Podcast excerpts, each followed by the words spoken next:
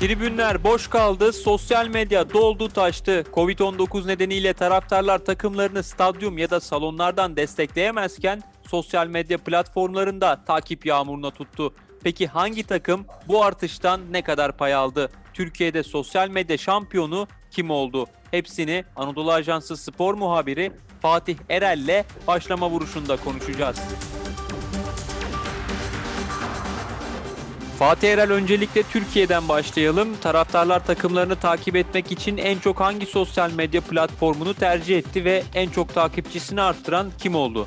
Pandemi sürecinde tribünlerin boş kaldığı bir yıllık süreçte taraftarlar takımlarını YouTube'dan izledi. Dört büyüklerin YouTube YouTube'daki takipçi sayısı 5 milyona yaklaşırken salgın döneminde YouTube özelinde dört büyüklerin takipçi sayısında 1 milyonun üzerinde artış yaşandı. Fenerbahçe 1.9 milyon takipçiyle Türkiye'de dört büyükler arasında ilk sırada yer alırken Fenerbahçe'yi Galatasaray 1.7 milyon takipçiyle e, ikinci sırada takip etti. Beşiktaş'ın 829 bin, Trabzon'un ise 244 bin YouTube takipçisi bulunuyor. Bu YouTube takipçi sayıları önemli çünkü kulüpler takipçi sayısıyla ve izlenme oranlarıyla YouTube'dan gelir elde ediyor. O nedenle takipçi sayısı YouTube üzerinde konuşmak gerekirse önemli. Türkiye genelinde ilk COVID-19 vakası tespiti ve maçların seyircisiz oynanmasına karar verilmesinin üzerinden yaklaşık bir yıl geçti ve bu geçen bir yıllık süre zarfında tribünlerden uzak kalan taraftarlar gönül verdiği takımlarına sosyal medyadan izlerken paylaşımları, takipleri ve yorumları ile de takımlarına destek verdi.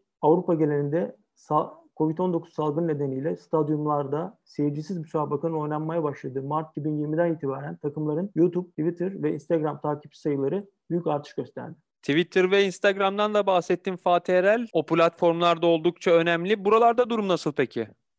Evet, orada da rakamları verebiliriz. Twitter üzerinde konuşmak gerekirse bir yıl öncesiyle kıyaslandığında ki bir yıl önce bugünlerde pandeminin ilk vakalar tespit edilmişti Türkiye'de.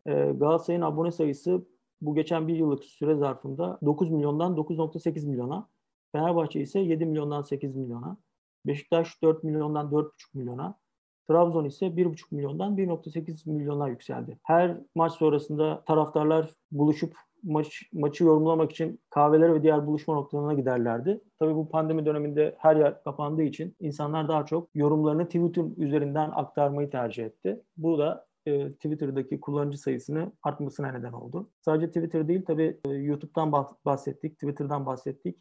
E, Instagram için de bir pencere açmak gerekirse orada da yaklaşık bir yıl öncesiyle kıyaslandığında Galatasaray abone sayısını 8,5 milyondan 9.6 milyona, Fenerbahçe 5 milyondan 6.3 milyona, Beşiktaş 3 milyondan 3.8 milyona, Trabzon ise 700 binden 830 bine yükseltti. E, bu üç platformda da e, dört büyüklerin takipçi sayıları büyük artış gösterdi bu geçen bir yıllık pandemi sürecinde. Peki Avrupa'nın büyük kulüplerinde artış nasıl oldu? Hangi takım sosyal medya liginde şampiyon oldu diyebiliriz? Avrupa ile ilgili de konuşmak gerekirse pandemi öncesinde de zirvede Barcelona vardı. Hala zirvedeki yerini koruyor e, ve bu pandemi sürecinde de 2 milyon yeni abone sayısına ulaştı YouTube'da. En fazla YouTube abone sayısı olan takımlar zaten Avrupa'nın en büyük 5 futbol liginde ve Türkiye'de mücadele eden takımlardan oluşuyor. Barcelona özelinde konuşmak gerekirse Avrupa genelinde YouTube'da 10 milyon barajını aşan ilk ve tek spor kulübü. E, salgın öncesi yaklaşık 9 e, milyon abonesi olan Barcelona'nın geçen bir yıllık süreçte takipçi sayısı 11 milyonu geçti. Avrupa'da YouTube'dan en fazla YouTube'da en fazla izlenen spor kulübü olan Barcelona'yı 6.3 milyon abonesiyle rakibi Real Madrid takip ediyor. Teşekkürler Fatih Erel. Spotify, SoundCloud, Apple Podcast ve diğer uygulamalar bizi hangi mecradan dinliyorsanız lütfen abone olmayı unutmayın. Hoşçakalın.